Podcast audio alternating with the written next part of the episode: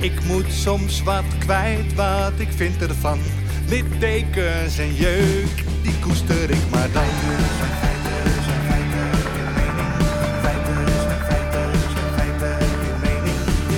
Duidelijk en luid. Riemen vast vooruit,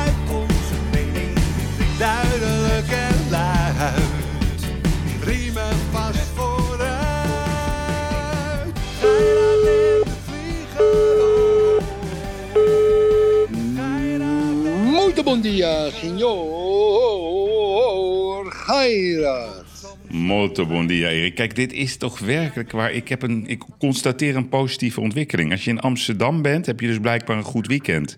Want je hebt energie. Je klinkt, normaal ben je depressief op maandag. Je ziet er niet depressief uit, Erik. Nee, maar ik heb al wel een, een hele depressieve mail gegeven aan mijn personeel wat ze morgen kunnen verwachten. Oh, ja. Ja, en dat is geen lekkere mail. Mijn, mijn maandagochtendmails zijn het ergste. Maar ja? ik moet erbij zeggen, Yves. Ik heb het ongelooflijk naar mijn zin gehad in Amsterdam. Deze Ja, dat, dat, dat hoor ik. Dat voel Ja. ik ook. Het was een en waarom? Waarom is dat? Waarom? Nou, waarom? omdat ik het ik vond het verkeer niet te veel. Ik kon makkelijk parkeren in de parkeergarage. Ik heb al mijn kleinkinderen gezien. Het was mooi weer. Fietsje naar de pont, pont naar Amsterdam Noord. Prima op straat. Ehm, ehm, gezellig. Heel veel actie en energie. Kijk, Amsterdam is een. Kijk, veel mensen van buiten Amsterdam die vinden Amsterdam verschrikkelijk als ze erin rijden, want die kennen de weg niet. Ja. Maar als je echt in Amsterdam woont en je weet precies waar je je schaakstukjes neer moet zetten, is het een hele fijne stad. En je moet wel wat centjes in je zak hebben. Hmm. Goedemorgen. Ben jij, Erik, ben jij in staat om werkelijk waar elke plek in Amsterdam te vinden Ja, ja. Zonder, zonder maps? Ja. Ja. Ja, hè? Ja. Jij bent eigenlijk ook gewoon een soort Uber-chauffeur. Ja, ik, ik, ik heb, ik heb, zo, ja, ik heb ook zo. Je kent alle weggetjes. Meeste wel. Weet je wel, ik, laat ik zo zeggen, ik hoor wel eens een weg. Waar is dat ook alweer? Maar dan weet ik wel de buurt. Weet je, ik ken, ik ken de straten, de kleine straatjes, de pleintjes. Ja, ja, ja, ja, ja, ja dat ken ik wel, ja. Dus eh, goed, jongen. Nou, hoe gaan we doen? Eerst eventjes, dames en heren. Goedemorgen, goedemiddag, goedenavond. Wijntje, whiskietje. Enfin, u kent het. België. Ik heb Ja, het zelden zo gezien. Ik ook. Ik zat... eh, we, hadden ge, we hadden gebarbecued, Mhm. lekker buiten. En eh, ik denk, ik ga toch eens even kijken hoe, het, eh, hoe de ontknoping is in de Belgische competitie. Ik kwam erin, Erik, in de 76ste minuut, denk ik. Ah ja, wat laat. Ja. Jeetje, Mina. Het was Maar een was wel. Ik heb was wel, nou, maar het was wel het goede moment. Hè? Zullen we het even uitleggen voor de niet-voetbalkenners? Goed, er waren drie clubs. Union, Racing Genk en, En FC Antwerpen. Die konden alle drie kampioen worden. En in de 90 minuten dat ze speelden... is het stuivertje van het kampioenschap een keer of tien verwisseld. Nou, dat is overdreven, maar Nee, een- nee echt waar, Yves. niet tien keer. Ja, Yves, echt waar. Weet je dat in de 88ste minuut... in de 88ste minuut, die 60 seconden... er drie clubs waren die kampioen eh, werden? Ja, maar dat is niet, dat is niet tien keer. Jawel, Kijk, dus, ja, tien, Yves, Yves, zeker tien keer. dus Union was kampioen op een bepaald moment. Nee, ze begonnen met Antwerpens kampioen. Als alles zo bleef. Nee, zo begon het. Ja. En toen op een bepaald moment, zo'n beetje aan het einde van de wedstrijd... toen eh, Union speelde tegen Club Brugge... en opeens scoort Nee. Club Brugge uit het niets. Ja. wat nee? Speelden Nee, wel toch tegen elkaar? Nee, want na, tien, na, na, twintig, na een half uur maakte Genk een doelpunt. Toen maakte Union een doelpunt. In de tweede helft waren er al vier, vijf positiewisselingen. Maar, maar ga door. Dat is, daar gaan we geen discussie over. Lijkt wel een woordenspel dit. Maar goed, in ieder geval, dus op een bepaald moment was Union kampioen en Brugge scoorde. En toen was Genk kampioen Ja. en Genk speelde tegen Antwerpen. En toen hoefde Antwerpen nog maar één doelpunt te maken. En toen was het blessuretijd. Nou, die andere wedstrijd scoorde Brugge nog een keer. Dus dat was dan deal. Mhm. En toen was er nog twee minuten te spelen. En uit het niets, maar echt werkelijk uit het niets... schiet al de wereld die bal in de kruising. Nee, ik heb nog nooit, nog nooit zo'n mooie explosie gezien. Nee, dat was, het was fenomenaal. Die van Bommel ging het veld oprennen. Ja, maar weet je voor wie ik het het fijnste vond? Ja, ik ook. Voor Mr. Ja. Dickpick. Mr. Dickpick, Mr. Dickpick, Mark Overmars. Ik gun het hem gewoon. Ik weet niet wat het is. Echt, ik gun het die gast, zeg. Niet te geloven. Ik ook. Maar wat is dit? Wat is de les? Dus hij, hij komt vanuit een soort vernederende situatie pakt hij zijn koffertje. Die jongen hoeft het voor het geld niet te doen. Heeft ook nog een mega hartprobleem, geloof Ja, ik. ja. Gaat daar zitten, werkt onder Paul Gijsens. Nou, Erik Paul Gijsens, dat is een... Dat is een, ja, hoe moet ik dat netjes zeggen? Vastgoedman, hè? Ja, maar het is meer dan een vastgoedman. Het is wel een my way or the highway. Ja, ja. Ja, dus het is ook nog heel ingewikkeld om onder die man te functioneren. Maar goed, Overmars die haalt Van Bommel, die haalt allemaal Nederlandse Kerk. spelers. Kerk. Kerk, Stenks, Vincent Jansen. Ekkelenkamp. Ja, Ekkelenkamp. Weet jij wat de bij, bijnaam trouwens is van Ekkelenkamp? Nou? De Ronaldo-gooier. Ja, dat snap ik, ja. Hij, hij heeft toen Ronaldo eh, op de middenlijn eh, Ja. ja. onderuit geschoppeld. ja, en, en, en, en, en het lukt gewoon om Antwerpen, die nooit meedeed, Erik, om het kampioenschap. Ik Nee. weet, het is decennia lang geleden dat 60 ze hebben jaar. Meer dan 60 jaar geleden. Ja, en, en ook dat, dat fanatisme bij het publiek. Oh, ik vond het zo mooi voor die Marco Overmars. Maar Ja. het was o- ook een dikke vinger naar Ajax dit, hè? Ajax zit in de problemen, Yves, dat weten we allemaal. Heb je nog nieuws? Nee, dat is dus wat ik je vrijdag probeer uit te leggen. Ze zouden donderdag, eh, afgelopen donderdag, zou zo'n beetje duidelijk worden wie de trainer werd. Nou, die is er nog steeds niet, Erik. Ja, hoe lang moet dat nog duren? Hoe kan je nou ehm, deze club leiden als je met 22 juristen, dat zijn interne woorden van FC Twente, dat 22 juristen de tijd nodig hebben om het contract met Jury Regeer af te ronden? Wie is dat? Ja, dat is een, een, een rechtsback van Ajax. Die uit de jeugd komt en die een kans krijgt eh, bij FC Twente. Dus het- we, hebben het niet, we hebben het niet over Frenkie de Jong. Nee, dus, dus ja, ja en, en dan, dan gaan. Ik zag gisteren een fantastisch interview met De Kloese op NOS. Daar denk ik, ja, zo wil ik ook dat er bij Ajax over je club wordt gesproken. Nee, wij hebben Mislinat, die gaat dan in het Engels ook uitleggen. Ja, maar Erik, je wilt toch gewoon... Een, in welk boek staat dat Ajax niet in staat is... om A, een Nederlandse directeur te vinden... en B, een Nederlandse technische directeur? Zal ik je uitleggen. In welk boek staat dat? Dat staat in het grote D66-boek. Ja. Wij zijn vrijdag tot de conclusie gekomen dat Ajax is D66 geworden. Ja, en ik vrees de rest. Ja, misschien moeten we er wel doorheen, jongen. Kijk, maar het is het hele, het hele land. Kijk, Yves, ik, ik, ik weet niet, gisteren, ik zit te kijken, de, de eitunnel ging gewoon dicht vanwege een storing. Ja. De treinen gisteravond, de Ziggo Dome, was helemaal vol. De arena was helemaal vol gisteravond. Ja, en om half elf, elf uur reden er geen treinen meer vanwege een storing. Dus er komen er 30, 40, 50.000 mensen binnen een uur, waarvan er 10, 20 met openbaar, 30.000 met openbaar vervoer zijn gekomen. Er zijn mensen die hebben daar gewoon geslapen. Die, konden, die hebben de hele nacht gewacht tot er een trein gaat. Wat is er nou in Nederland aan de hand? Of ben ik nu te negatief? Is dat Ja, altijd je- zo geweest? Ja, dat is altijd zo geweest. Nou, Ik bedoel, dat in is India, wel- in Ere- India eh, zijn mensen overleden. Ja, er gebeuren, als er zoveel mensen in de stad zijn, dan gaan er ook dingen fout. Dat is logisch. En de treinen, ja, dat is heel raar. In Zwitserland doen de treinen het altijd. ik weet ook niet Ja. waar dat aan ligt. Ja. Dat gebeurt. En, en ook, ik bedoel, we hebben die. Weet je dat ik, de, voor wie het niet gevolgd heeft, hè, maar er is een appartementencomplex in Amsterdam Oost, is de fik ingegaan. Johan Muiskeweg. Jo Muiskeweg, dus, dat, is dat niet bij de Bijlmer, daar in de buurt? Ja, ja. Nee, dat is bij de, Bijlmer, bij de voormalige Bijlmer Baaiers. Ja. Ja. Ik reed daar smiddags nog langs, hè? Heb jij het gedaan? Oh shit. Ja. Ja. Eh, afrekening, Erik. Ja, ja, ja, ja. Ja, kijk, Afrekening. kijk maar uit de verzekering. Nee, maar ik, ik vond het wel. Ik heb dit nog nooit eerder gezien. Een appartementencomplex. Hoe kan dat? Jij bent, jij bent vastgoedman. Hoe, hoe, kan, Ja. hoe kan nou zo'n appartementencomplex in de fik gaan? Nou, dat ga ik je uitleggen. Er zijn Ja. twee theorieën. Ja. Er is een theorie van. eh, ze zijn er nog niet uit. Er is nog geen officieel van de, van de brandweer. Want je moet natuurlijk, dames en heren, een, een officiële eh, verklaring hebben voor een brand. Dat is naar aanleiding van de verzekering. Wie gaat betalen? Maar de brandweer en de eerste geruchten gaan. De eerste geruchten gingen, het zijn de zonnepanelen. Ja. En nu is de tweede gerucht is dat een appartement op de zesde verdieping in de brand vloog. En dat daardoor zeg maar, de zonnepanelen ook in de brand vliegen. Maar wat ik me door afvraag, het was een redelijk modern gebouw. Dat wordt toch allemaal een beetje brandvrij gebouwd? Als ik een appartementenblok bouw, dan krijg ik de brandweer op mijn dak, Yves. Dat wil Ja. je niet weten. Dan gaan ze naar de materialen, je moet de isolatie, dat, de bepaalde muren moeten eh, 30 minuten brandwerend zijn. Dan krijg je een, een lijst van, van, van voorwaarden. Waar, de brandweer, dat zijn de eisen. En terecht trouwens. Waar je je aan moet voldoen. Eh, waardoor het echt moeilijk is. Dat, kijk, als de gordijnen in de brand vliegen, ja, daar kan je niks aan doen. Maar ja, dat, moet, dat wil nog niet zeggen dat het hele huis ook in de fik vliegt. Ik vind het een beetje. ehm, ik word er een beetje achterdochtig van wat daar gebeurd is. En weet je, je krijgt natuurlijk allemaal mensen die zeggen: Ja, zie je wel, die kut zonnepanelen. Zijn mensen die hebben hekel aan die zonnepanelen. Maar als die zonnepanelen eenmaal in de fik vliegen. vanwege een appartement op de zesde verdieping. ja, dan gaat die. Ja, want wat ik lees, hè, is dat volgens de, brand, de brandweer heeft iets gezegd. Die zegt de brand is waarschijnlijk op de zesde verdieping Ja. ontstaan. Waarschijnlijk, hè. Dus Waarschijnlijk, dat, eh, ja.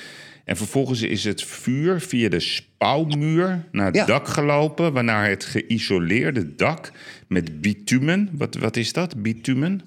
Bitumen is een soort, eh, ja, soort spuitspul wat ze ertussen gooien. Oké, in brand eh, komen te staan. Dat is de uitleg van de brandweer. Maar wat ze ook zeggen, bij het doorzoeken van het appartementencomplex werd ook een wietplantage aangetroffen. Oh ja? ja, Oh ja? ja. Dat heb ik niet gelezen. Ja, nee, ik wel. Oh ja, dat verklaart wel veel, lief. Zou kunnen? Ja, natuurlijk, natuurlijk met al die elektriciteit en dingen. Maar zo'n duur appartement, want het zijn ook dure appartementen volgens mij. Enorm duur, Erik. Dus En- dat, en- het al, dat het al loont om daar eh, voor, voor, voor, voor 80 metertjes een wietplantage in te hebben. En hoe hou je dat geheim qua geur? Ongelooflijk. Ja, maar dat zie je steeds meer, jongen. Die, de opkomst van de wietplantages. In Ze huizen. moeten, weet je wat het is? Die wiet en zo verbouwen, dat moeten ze helemaal vrijgeven hoor. Ja? Ja, natuurlijk jongen. Als iemand lekker wietplantjes wil hebben in zijn huis, dan moet hij dat lekker doen. En voor de rest, als iemand een bedrijfspandje heeft die zegt ik wil lekker wiet gaan maken, dan gaat hij toch lekker wiet maken. Ook als daar de brandweer komt, dan had je dit soort branden niet gehad. Gewoon vergunning aanvragen. Ja, tenminste, op, een- op een appartement moet je natuurlijk geen wiet maken. Maar op gewoon een industriepandje, als mensen gewoon een wietplantage willen hebben.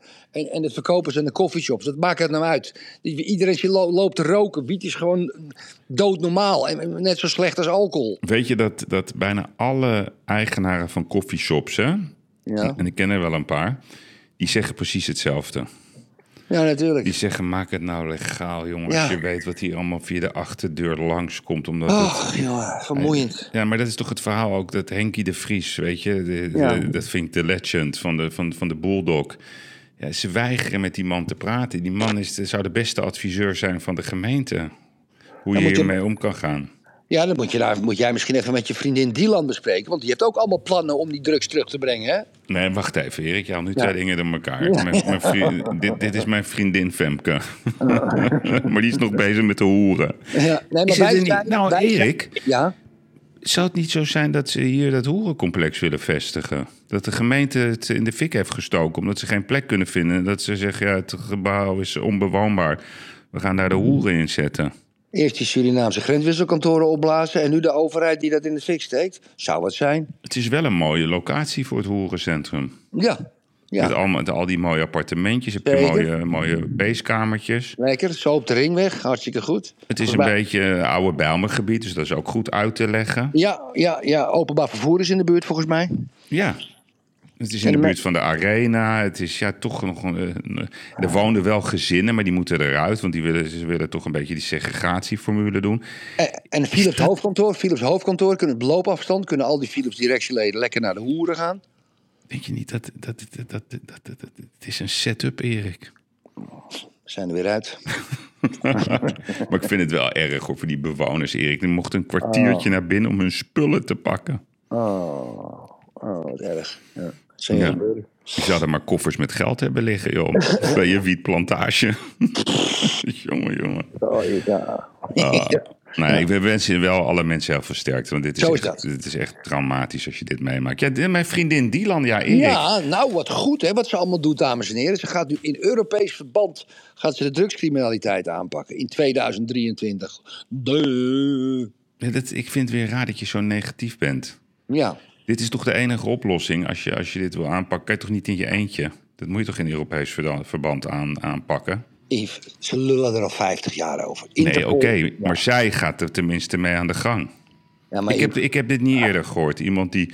Het is ook nog een linker soepvaar. Dus ik denk dat zij nu onder permanente beveiliging door het leven moet wandelen. Zeker, zeker. Dus die vrouw heeft helemaal geen leven meer. Dat weet ik niet, maar ze, moet wel, ze krijgt wel beveiliging. Ja. Erik, zij heeft de oorlog verklaard aan de internationale drugshandel. Ja, ja. Deze, deze vrele dame die heeft verklaard dat ze de internationale drugshandel gaat aanpakken. Ze zegt Nederland, België, Duitsland, Frankrijk, Spanje, Italië gaan de handen ineenslaan met alle havens. We gaan, we gaan de financiële transporten aanpakken, of de, de transfers gaan we aanpakken. Ze, ze richt zich echt op de bovenkant van de bazen, Erik. Eh, En dan, hoe, hoe, hoe dan? Nou ja, dit is de enige manier. Maar dit is, dit, dit, dit- je praat wel over de Champions League. Hè? Ik bedoel, je, je, je komt op het niveau van Wagner terecht. Die, die zeggen, ja, die Dylan, die is gevaarlijk. Ik vind het heel moedig, laat ik het zo zeggen. Oké, oké, ik ga erin mee, maar ik ben wel een beetje cynisch.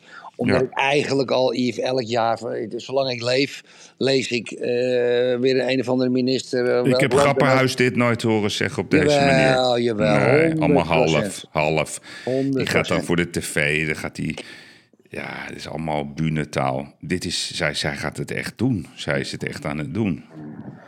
Ik vind het heel moedig, laat ik het zo zeggen. Ja, ja, goed. Ja. Heel moedig. Heb jij nog die... eh, De de, ja, opeens kwam de echte, de echte baas kwam opeens in beeld. Dus niet... Heb je dat filmpje gezien? Dus niet, je hebt, je hebt die komt Ja. altijd, die, die, die, die zeg maar elke dag boos is op eh, Poetin. Ja. En toen ging Kadirov, en Kadirov is de baas van de Tsjetsjenen.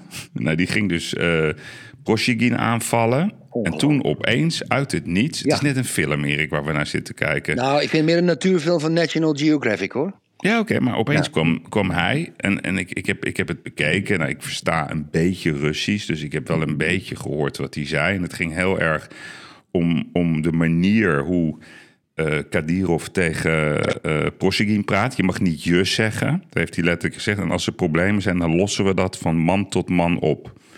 En hij maakte ook nog eens eventjes een bruggetje naar de Eerste Oorlog. Dat ze tegen de Tsjetsjenen hebben gevochten. En ook nog de Tweede Oorlog. En hij gaf een soort winstwaarschuwing. Dat Wagner overal is. En waag het niet om ons te bedreigen, want we komen je ophalen.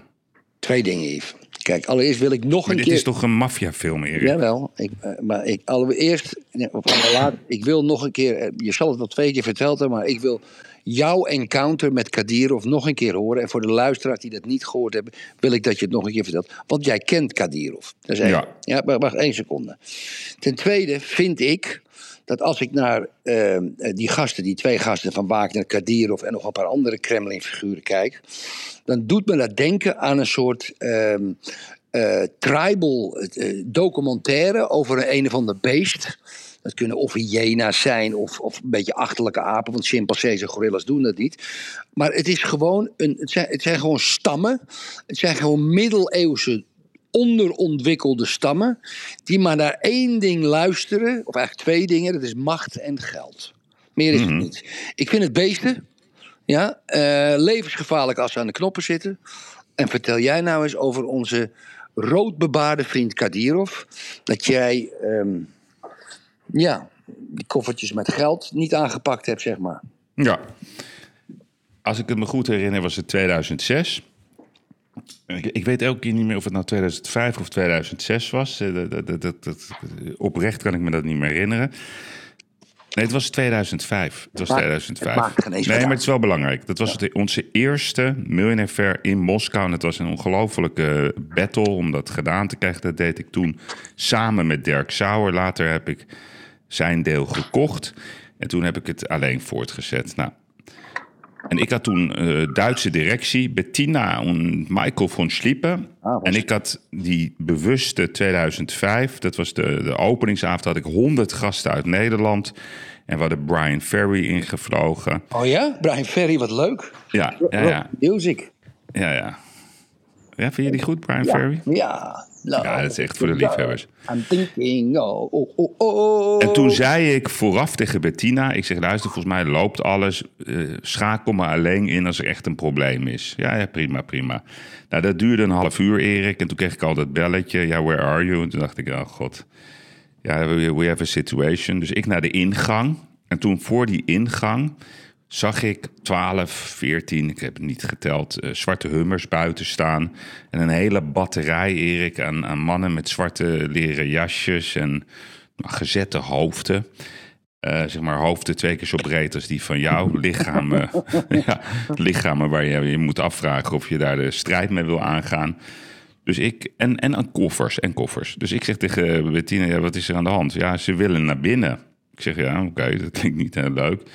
Ik zeg, maar wa- wat is, dan, wat is dan de issue? Ja, ze hebben geen kaartjes en ze zijn niet black tie. En jij had tegen ons gezegd, als je geen kaartje hebt Ja.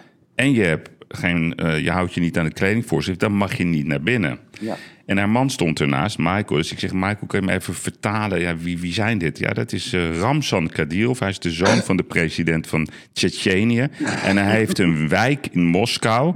En als tegenprestatie lost hij de problemen op voor Poetin in Tsjetsjenië. Dus dat, Erik, is 18 jaar geleden. Ja, ja.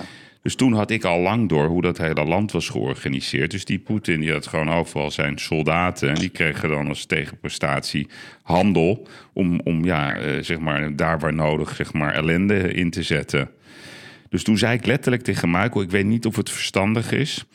Of deze jongen uit Amsterdam buitenveld het deze groep gaat weigeren. Dat is niet heel verstandig. Ik zeg, nou ja, oké. Ik zeg, maar eh, dat, dat is de baas. Laat me naar me toe komen. Dus die Kadirov die loopt op me af. En die zegt, ja, die spreekt niet heel goed Engels. Are you president? Dus ik zeg, yes, I'm the president. How much? Ja, ik zeg, nee, nee, nee. Dus ik dacht met... En dan had hij een jongen, een man naast hem meer, met een koffer. Die koffer ging open. Die koffer vol met, met een dollars, jongen. Nou, ik, ja, het is zo, ik weet niet hoeveel ik eruit had kunnen halen. En ik zeg letterlijk een soort impuls. No, no, no. You're my guest or you leave now. No, no, no. We want to pay. Ik zeg, no. You're my guest or you leave. Ook in je Russisch accent. Ja, en hij pakt me met zijn rechterarm, of links, dat weet ik niet eens, in een soort eh, ja, vriendelijke, stevige groet. En hij fluistert in mijn oor: If you have any problems, you call me. dus, dus ik zeg: I don't have problems. En hij zegt: In Moskou, everybody has problems. nou, prima. Ik zeg: But enjoy. En, eh, en ze gaan met die koffers. die Verstandig gedaan, niet verstandig gedaan. ja, ja. En, en ze gaan daar lopen, Erik. En ze, ze hebben ja, een hele mooie avond. Ze kopen veel. Ik denk, nou, is goed voor de standhouders. Ja, zo benader ik dat. Ja, ja. En hij zwaaide nog een paar keer naar mij. En hij vond het. eh, en hij deed nog zelfs een handgebaar met de telefoon. Niet te geloven. Waarom heb je zijn nummer niet gevraagd? Moraal van het. Ja, Erik, als je erin komt, kom je erin. Hè? Dus Mhm. de moraal van het verhaal is dat het toen al liet zien hoe Rusland is georganiseerd. Ja, ja. Een holding. De baas van de holding, dus dat is de eindbaas, dat is Poetin. Ja, ja. Ja, en die had zijn land verdeeld. Zal later allemaal pas uitgekomen. Met oligarchen, ja, met, met, met, met, met, met, met ja, tribunale, tribale stammen. Kijk eens. Zie je, Dat is het verhaal. zie je dit boek? De mannen van Poetin. De mannen van Poetin. Het is geschreven door Catherine Belton. Het is een ongelooflijke dikke pil. Ik raad het je aan om te lezen. Die ben ik nu aan het lezen. En die, en die vertelt alles over het ontstaan. Ook in, Ja. die, in, in die momenten waar jij van zegt. Dat is uiterst interessant. En inderdaad, al dat soort dingen wat jij nu net vertelde. Ja. In het boek overal schering en inslag. Hmm. Dit is gewoon, het is, kijk, Rusland is een BV. Is een BV, ja. Ja. Exact. Is maar dat is de hele, daar heb je het hele verhaal. Ja. Is een BV. Ja, ja, ja. Saoedi-Arabië, Erik, is een BV. Is een BV. Ja, Dubai is een BV. ja, ja. ja, ja. China is een stichting Ja. met daarboven een holding. ja, Met een BV daar weer boven. ja, ja. Heel interessant UBO. Ja. En dat willen wij maar niet aanvaarden. Wij Nee. snappen dat niet. Omdat wij zeggen, ja, democratie. Nou ja, we zien... Ik ben voor de democratie. Jij ook. Iedereen neem ik aan. Alleen die democratie die worstelt met de BV's. Ja, heb je gelijk in. Die ons op alle manieren, zeg maar, eh, aanvallen, overnemen, dingen afpakken. Maar- maar- Ingewikkeld. Maar Yves, ehm, dat, jouw Rusland-connectie is natuurlijk heel groot. Ja, Ja, vanuit het verleden. zeker. En ik, ik, ik, ik, ik heb ook een Rusland-connectie. Ja? Mm. Daar hebben we ook wel eens naaimachines verkocht en dat soort dingen. Maar ik, ik werd gisteren, dat is een heel prachtig verhaal, is ook heel toevallig, werd ik attent gemaakt door iemand op Twitter. En, eh, en dat was een artikel in het Parool van heel lang geleden. En ik moet je even zes regels daarvan voorlezen. En dat men, heel veel mensen weten dat niet. Ja? Maar toen die onderzeeër, die Koersk, toen die eh, op wat is het, 150 tot 200 meter diepte kwam en al die mensen verdronken daarin. Toen was er een bedrijf Mammoet, die gingen een ponton maken om die onderzeeër eh, van de bodem af te halen. Dat was een direct bevel van Poetin. En ik lees je even voor een artikel, stukje uit een artikel. Over een bedrijf dat heet Shipdock, later Amsterdam Ship Repair. Shipdock was als Amsterdam Ship Repair van 1999 tot 2005 in handen van de IMCA-groep van Erik de Vlieger. De werf maakte in die periode naam met opvallende projecten, zoals de fabricage van ponton Giant 4, waarmee in 2001 de Russische onderzeeër Koersk boven water werd gehaald. Wist jij dat?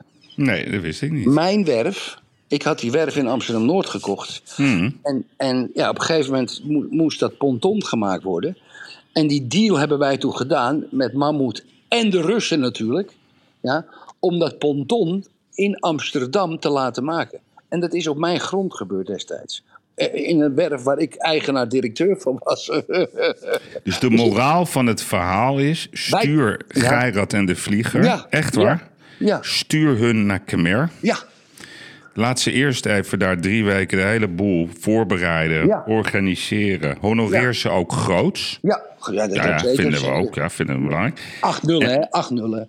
Ja, en Ja. zeg gewoon: Gerrit en de Vlieger, los, het op. Los het op. En ik zei nog wat vertellen: wij lossen het op. Ja, Maar het enige probleem, kijk, het, is, het wordt steeds ruiger nu, hè, en ook steeds meer dreigementen. Het grappige is dat Tamara die bemoeit, die zegt, ja, wat is dit allemaal? Zegt ze tegen mij vanochtend. Eh, Ze moeten toch om de tafel gaan zitten en het gewoon eh, oplossen met elkaar. Ja, ja. Dat vind ik ook, dat vindt Erik ook. Alleen de methode hebben Erik en ik een eh, meningsverschil over. Alleen dat moment komt steeds dichterbij. En toch zeg ik tegen jou dat eh, dat harde wat we zien... en dat zien, dus, dus die, die, zeg maar die discussie tussen Wagner en Kadirov... is symboliek hoe het daar naartoe gaat. Steeds harder, steeds goffer. Kijken wie de, wie, wie de sterkste is. Maar uiteindelijk, Erik, zullen ze dat moment gaan kiezen. En ik zeg het nog een keer, de sleutel heeft Xi Jinping. Die heeft de sleutel. Alleen Biden heb je nodig. Alleen Biden is een probleem. Dat maakt het zo moeilijk. Hm, Daar ben ik met je eens. Maar wat ik ook een beetje van het weekend een beetje tot me heb gekregen, Yves. Ehm, die hele, al die nieuwe wapensystemen, al die, eh, die, die Leopold-tanks en die Abraham-tanks, die beginnen nu met gekwalificeerd personeel zich naar het front te bewegen. Ja. Het is heel stil. Het grote offensief vindt echt niet plaats. Oekraïne is nu allemaal speldenprikken in Rusland. Ze ontkennen het natuurlijk. Maar speldenprikken, overigens met Poolse soldaten. Die, er- heel veel Poolse soldaten die erbij zitten. Dus het begint zich daaraan te ergeren. Hmm.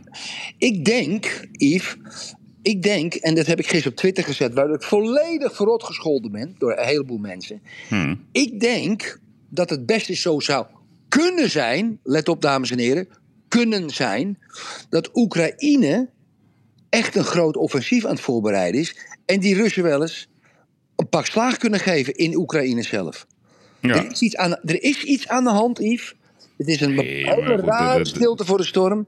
Nee, maar Erik, ja, dat staat op alle, alle, al die eh, sites staat dat. En ik bedoel, het stond zelfs in de Nederlandse pers dat het, eh, dat het offensief, het eh, voorjaarsoffensief, het najaars, het zomeroffensief. Ik heb geen idee hoe ze het offensief ja, noemen. Ja, ja, maar ik denk dat de Oekraïners met de hulp van de westerse wereld, ook met alle satellieten en hele, zichzelf heel goed aan het voorbereiden zijn. Ja, maar dat Het is toch een bekend? Ja, maar dat het offensief. Nee, dat is niet bekend, Yves. Het is bekend. Je moet wel luisteren naar wat ik zeg. staat, er staat hier letterlijk in de. Ik heb hier het Yves. Yves, Yves, als je nou luistert, als je nou gewoon luistert. Ik zeg, het is bekend dat er een offensief gaat plaatsvinden. Maar mij, ik, mijn stelling is, luister nou goed, dat het best zo zou kunnen zijn dat de Oekraïners die Russen een verschrikkelijk pak slaag gaan geven. Klopt. En dat staat nergens, als je die erg vindt. Nee, oké. Oké, maar, maar is dat erg? Nee, dat is niet erg. In zoverre, in zoverre dat ik natuurlijk niet wil dat die, dat die dolle honden daar op een knop gaan drukken. Nee, oké, maar dat is, het, dat, dat is het motto. Men lijdt het meest van het lijden dat men vreest. Ja, ja. Zo ja, gaat dat in die landen. Het is hard tegen hard. Ze slaan elkaar helemaal de tering en daarna gaan ze wodka drinken met elkaar. Ja, Ja, wij, wij, wij snappen die cultuur niet. Nee. Er Nou, zijn nog steeds mensen ja. die, die, die denken echt allemaal dat ze begrijpen hoe het werkt. het is Nee, een nee, andere cultuur. Ga daar, ga, daar, ga daar eens zeven jaar wonen. En dan nog snap je het niet. Het is bikkelhard. Bikkelhard. Het is allemaal het recht van de sterkste. Het is allemaal daar het recht van de sterkste. Ik weet Ja. het. Ik, ik ben het helemaal met je eens, Yves. Maar ja, ja haalde Xi Jinping even aan, hè? Ja. Ja, nou kijk, nou, kijk, nou vind ik het. Dan, wat zie ik dan weer in, in de media opspringen? Normaal zijn de ministers in China zijn vrij terughoudend. Goed, die minister van Buitenlandse Zaken. Maar je moet er niet vergeten dat de minister van Defensie, hè, de Chinese minister van Defensie. Bemoeien met je eigen zaken. Ja, dat, wacht, wacht nou even, Yves. Ja, oké. ja. En wacht nou even. Kijk, het is niet dus echt zo dat de minister van Defensie zich internationaal publiekelijk uitspreekt. Ja? En we, zeggen, we zien nu gewoon dat die Chinese minister van Defensie, meneer Shang Fu, die zegt gewoon glashard: Amerika, bemoeien met je eigen zaken. Nou, ik vind, kijk, stel je nou voor dat, hoe heet die, Ke- Keizer ja, zo'n opmerking zou maken over een ander land. Ja, bemoeien met je eigen zaken. Dat is al helemaal nou dan. Maar dat zo'n Chinese minister dat doet, het is toch wel ook hard tegen hard, Yves. Maar wacht even. Vind ik opmerkelijk, vind ik dat. Hij, hij, hij, hij is onderdeel toch van die stichting met daarboven die BV en die, Ja. die, die hele UBO-constructie. Ja, dus als hij het zegt, dan is het wel gemeend. Als Kasia Ollongren wat zegt, dan kan je net zo goed zappen naar, naar, naar, naar The Shownieuws. Voice of Holland of naar Shownieuws of wat dan ook. Dus dat, dat, is, dat is allemaal niet interessant. Hoe de fuck is Kasia Ollongren? Niet onaardig bedoeld, maar dat heeft geen invloed. Als Ursula von Leyen of wat zegt, nou oké, dan moeten we wel even goed luisteren. Biden. Dus het is allemaal leuk, al die meningjes van al die mensen. Maar als, als de baas van China dit zegt, de, de defensiebaas dan, Ja. Dan is dat serieus. Ja. Maar nu ga ik jou even een, een, een, vraag stellen over Alzheimer. Oh. Jij hebt geen Alzheimer, toch? Nee. Nee. Wij hebben dit gesprek al, nou, ik weet niet hoe lang geleden, ik weet ook niet welke podcast het was. We hebben het heel lang met elkaar gehad over de wereldmacht. En dat de echte, de echte battle die er plaatsvindt, is, is de hele machtsstrijd tussen China en de Russen. Of, eh, sorry, China en Amerikanen. Ja. En, en, en de Chinezen hebben natuurlijk altijd gelijk als ze zeggen: ja, wat deden jullie in Irak? Hebben ze een punt? Ja, dat is gewoon zo. Ik bedoel, Zeker. hebben het hele Midden-Oosten eh, platgelegd. In brand gezet. In brand gestoken. Zonder afterservice. Ja. Nou, dus ja, de Chinezen hebben recht van spreken. Ja. Dat klopt. En de andere kant die je weer kan zeggen van ja, zijn wij aanhanger van het Chinese model? Dat is een soort, ja, soort eh, keiharde eh, dictatuur met een democratisch sausje. Maar uiteindelijk ja, moet je wel accepteren dat je in een land leeft wat jou de hele dag volgt. En als je een te grote bek hebt, ja, kijk naar Jack Ma, dan pakken ze alles van je af. Het is allemaal heel moeilijk. Wat is nou het goede model in de wereld om een beetje een normaal leven te dat hebben? Ik zou, ik zou ook niet de baas van China willen zijn, Erik. Nee, maar dat zal ik je uitleggen. Kijk, Dat is niet makkelijk. Ik vind die opmerking van die... Ik weet niet of je dat gelezen hebt. Die Chinese minister, die defensieminister, die zei... Hij zegt, zoals de tekst van een bekend Chinees liedje luidt... Ja, ja. Als ja. vrienden ons bezoeken, verwelkomen we ze met goede wijn. Als jakhalzen of wolven komen, zullen we ze tegemoet treden met jachtgeweren. Ja, Ja. ik ben het met hem eens. Ja, ja, ik ben het gewoon met China. Is alles fout. Maar dat is niet, maar dat is niet alleen een, Chi- een Chinees liedje, Erik. Dit zeggen ze ook in The Godfather. Ja, ja. Ja, nee, maar dit is het niveau waar we mee te maken hebben. ja. ja, ja. En dat, ja, dat is ook een wereld waar ik niet heel enthousiast van word. Het is ook hoe Erdogan zeg maar, zichzelf eh, de macht in Europa heeft verworven. De, de Zweden moeten nu zeg maar, een PowerPoint-presentatie houden aan Erdogan. Of ze eventueel mogen toetreden tot de NAVO. En, en, en de Zweden moeten ook bereid zijn om een aantal Koerden Hoe uit te leveren. ja, Ja. en dat gaan ze doen, hè? Want ja. zo werkt het, hè? Want ik bedoel, als het, als, als, als, het, als het te heet onder de voeten is, dan eh, verraden ze je buurman. Dat weet je ook. Ja, ja. Zo werkt ook die westerse democratie. Ja, ja, maar er zijn er wel bepaalde Nederlandse parlementsleden die, die, die, die, daar, die dat ook de oogluikend toezien dat Koerden daar aan Turkije worden uitgeleverd. Hè? Maar goed. Oké, maar wat, wat moet je... Dus, dus het is allemaal... Het is de hele dag de weegschaal. Ja, ja, ja. Oké. Dus we kunnen wel vertellen wat, eh, wat er allemaal niet deugt. Maar om nou te zeggen, hoe moet het dan wel? Ja, dat, dat vind ik ook nog een mooie discussie. Oké. Yveske, ik ga naar het vliegveld. Oké. Ja, vind je dat goed? Hoe lang moet je vliegen? Zo direct zeg ik nooit dat ik moet vliegen. Dat gaat niemand wat aan. Oké, oké, oké. Nee, voor hetzelfde geld wordt Erdogan het. hey, Hey, en, we, gaan vrijdag, en- we gaan vrijdag de laatste doen voor het zomerreces. Het- dat- ik- Ja. We moeten eventjes goed deze week gaan praten. Want ik wil wel een spetterend product aan de mensen leveren. Ja, dat doen we altijd. We doen altijd ons best. Ja, hey, Erik, ehm, even, eh, ik wil toch even, eh, voor, voordat, je, voordat je op het vliegveld stapt... wat ga je morgen vertellen aan je mensen? Nou, kijk, ik heb een aantal bouwwerken. eh, in, die zijn nu in de eerste weken van, van, van, ehm, van executie, zeg maar. En ik heb Hmm. planningen, planningen. Sommige planningen, dan zie je allemaal blokjes op zo'n grote tekening. En ik zie, en ik heb twee van mijn mensen heb ik opdracht gegeven en accountable gemaakt voor de planning van de constructors. En dit gaat de eerste week al fout. Is al fout gegaan. Met betonleveranties. Dat hebben ze dus zeggen, oh, we moeten beton. Oh, ja, dat beton zit een lange levertijd op. Dat hadden ze dus drie maanden geleden al moeten weten.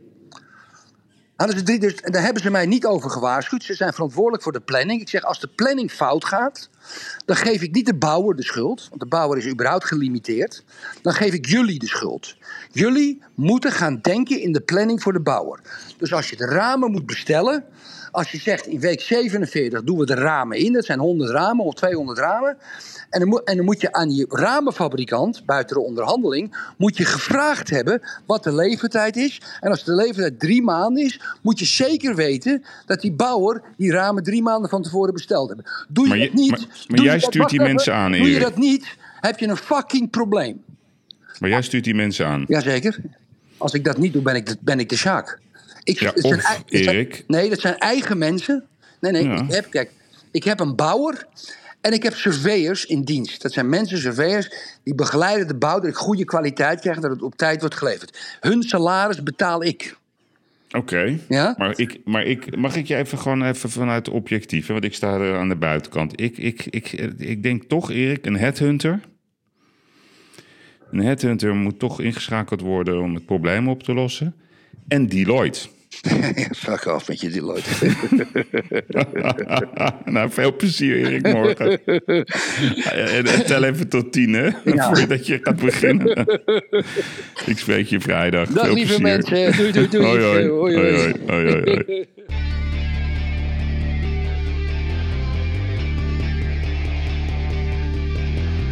Ik moet soms wat kwijt wat ik vind ervan. Littekens en jeuk, die koester ik maar dan.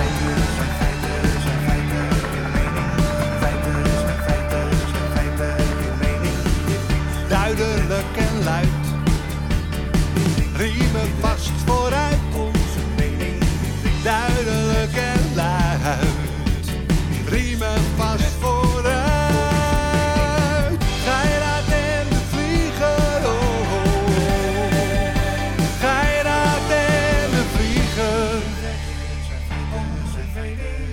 moet soms wat kwijt. Mijn mening. Meer dan 80 jaar ervaring.